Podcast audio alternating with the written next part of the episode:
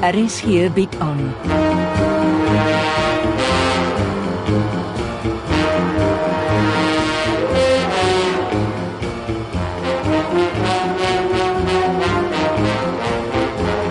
Agendas deur Jo Kleinhans.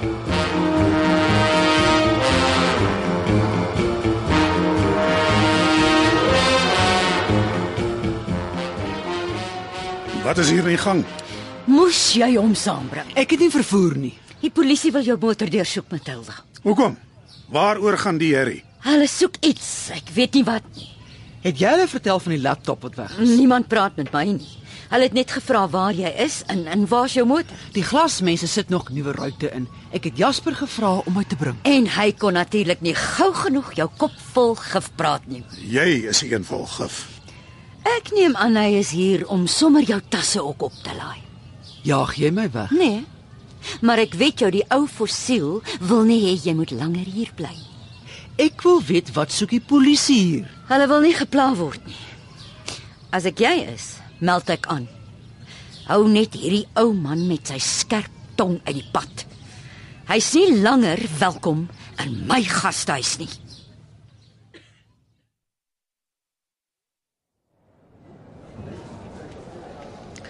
Oupa lyk moeg.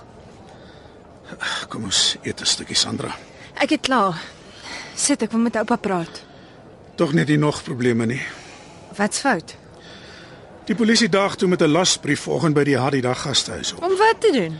Hulle was agter Matilda se bloed aan. Nou kom ek vertel u die kort weergawe. Maandagoggend sit Matilda buite die skool waar haar kleinkind is en loer met 'n verkyker na hom. Sy mag nie. Ja, iemand anders het ook so gedink. Skiet vier skote verby haar gesig. Haar twee motorruite is flenters. Wie was so onverskillig? Daar was nie tyd om te kyk wie skiet nie. Hoekom daag die polisie toe met 'n lasbrief by die gastehuis op? Ek weet nie hoe om die kloutjie by die oor te bring nie. Matilda het nie die skietvoorval by die polisie aangemeld nie. Ja, Dit was dom. Ek dink ook so. Maandagnag breek iemand by haar kamer in en steel die laptop wat Moerdijk vir jou gebring het. Sy moes tog wakker geword het. Sy het nie. Debbie moes haar Dinsdagoggend wakker maak. Debbie sweer sy het kloroform geruik. En dit alles vir 'n skootrekenaar wat sy harde skuif skoon gevee is. Maar sy luik in die plafon in Matilda se kamer. Met vanoggend se soektog kry die polisie 'n pistool toegedraai in 'n plastiek sak op die plafon. Ah, oh, dit klink nie goed nie. Nie Matilda of Debbie weet iets van die pistool nie. Die polisie het verklaringe afgeneem en hulle is weg met die pistool. Iemand moes iets in die polisie se oor gefluister het. Matilda is benoud. Sy glo Neil Veldsmann sit agter alles. Hoekom sal hy tot sulke uiterstes gaan? Matilda wil hof toe om te vra of sy nie vir klein Nielsen oor die kerstyd mag sien nie. Dit was dom van haar om buite die skoolgronde met 'n verkyker te sit. Ek weet hoe haar hart klop, Sandra. Dis 'n warm ouma hart. Ek koop alles werk vir haar uit. Het Neil jou alweer gekontak? Hy bel gereeld. Jy werk nie weer vir die man nie. Kom ons praat eerder oor iets anders. Ek wil Vrydag uitboek. Hoekom? Waar wil jy gaan bly? Ek wil nêrens gaan bly nie. Ek wil 'n paar dae Uganda toe gaan. Ek het gedog ek kan my goedjies in oupa se kamer stoor.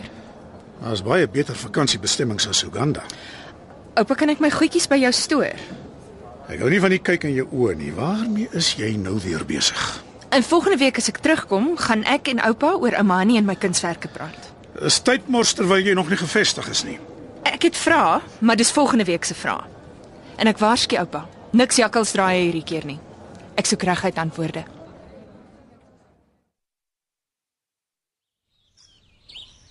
Maggies, dis 'n verrassing, Sandra.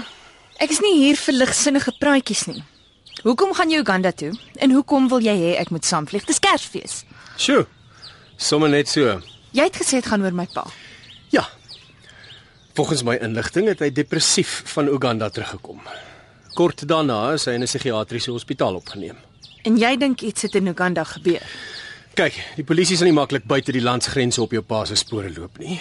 So dis hoekom ek dink ons kan help as ons dit doen. Ons.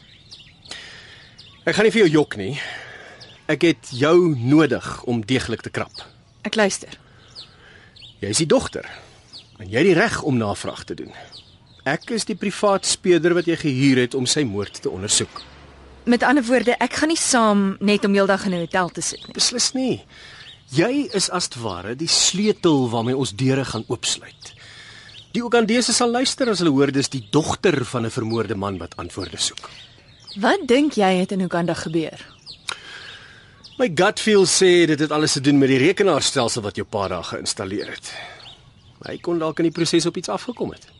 Inligting wat nie vir sy oë bedoel was nie. So iets. En die Amerikaners is baie bedrywig in en rondom Entebbe. Iewers pas hy goed in mekaar en ek dink ek weet hoe.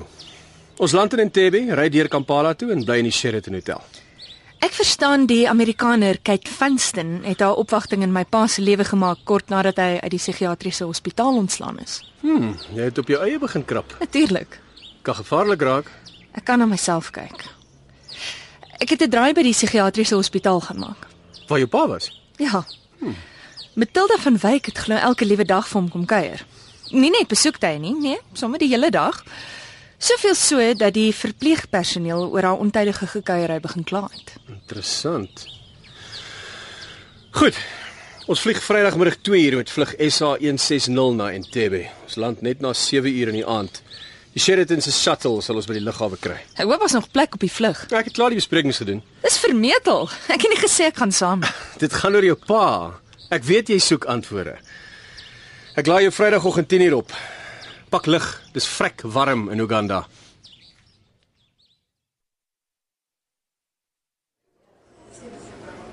Wat soek jy in die hotel?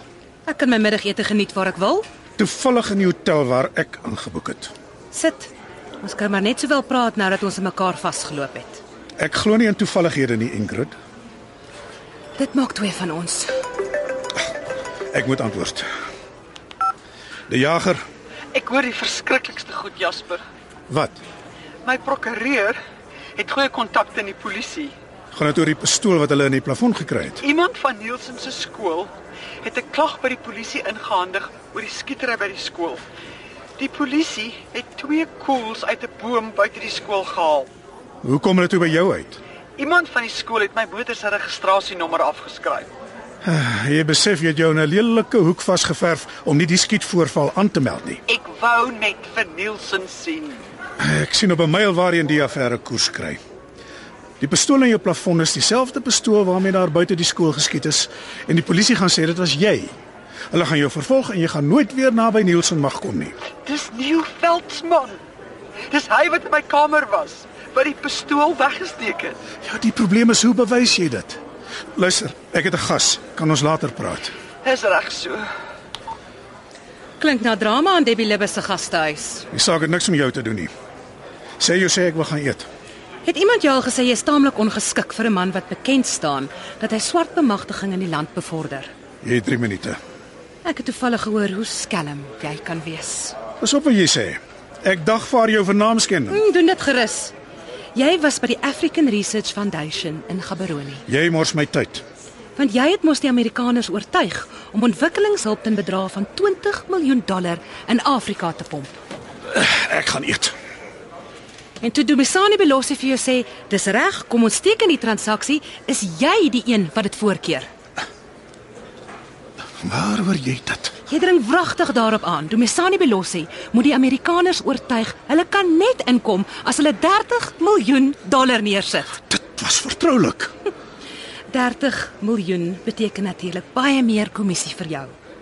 En ordentlik soos jy is, bied jy Belosi 100 000 dollar aan as hy saamwerk. Dit was 'n vertroulike gesprek. Waar hoor jy dit? Ek sal jou net vertel as jy my beloof, dit bly ons geheim. Jy het dit nie by my gehoor nie. Vanselfsprekend. Ek het dit oor 'n bottel whisky by my groot vriend gehoor. Dieselfde man wat jou kleindogter Kerstyd Uganda toe vat. Sy gaan op haar eie. Verkeerd Jaspertjie. Sy gaan saam met Meyer Moerdijk, die man met die losmond en nog losser sedes.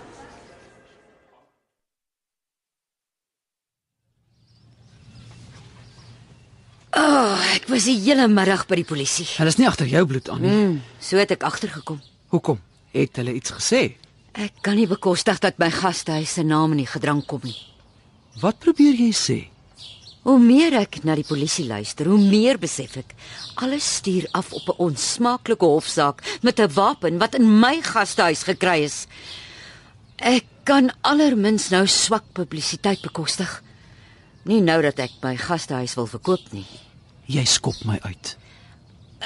Vat 'n dag of twee en kry vir jou ordentlike blyplek. Is goed so. Ek gaan pak. Ek sal nie langer vir jou 'n verleentheid wees nie.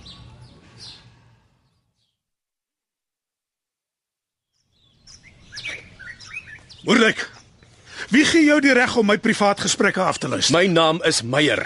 Jy is 'n swerkater wat met die verkeerde mense sukkel. Pas op vir 'n hartaanval, hoor. Waar het ek wie afgeluister? Moenie jou onnoos hou nie.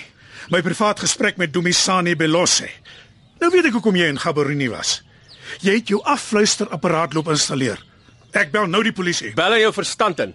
Ek en kry jou ry. Dis my huis die. Nie voor ek jou in jou bakkies gekyk het en gesê het ek skryf vandag nog direk aan die Inspector General for Intelligence om 'n klag teen jou en die Staatsveiligheidsagentskap aanhangig te maak. nie. Skryf tot jy blou is in die gesig. Ek het nie idee waarvan jy praat nie. En Sandra gaan nie die naweek saam met jou Uganda toe nie. Het sy so gesê? Nee, nee, ek sê jou sommer. Wel, ek vat nie instruksies van jou nie. Jy soek vir my. Vandag moker ek vir jou. Frikson, pragtig man. Frikson, vat so kom hier. Ja, ja. Ja, okay, okay.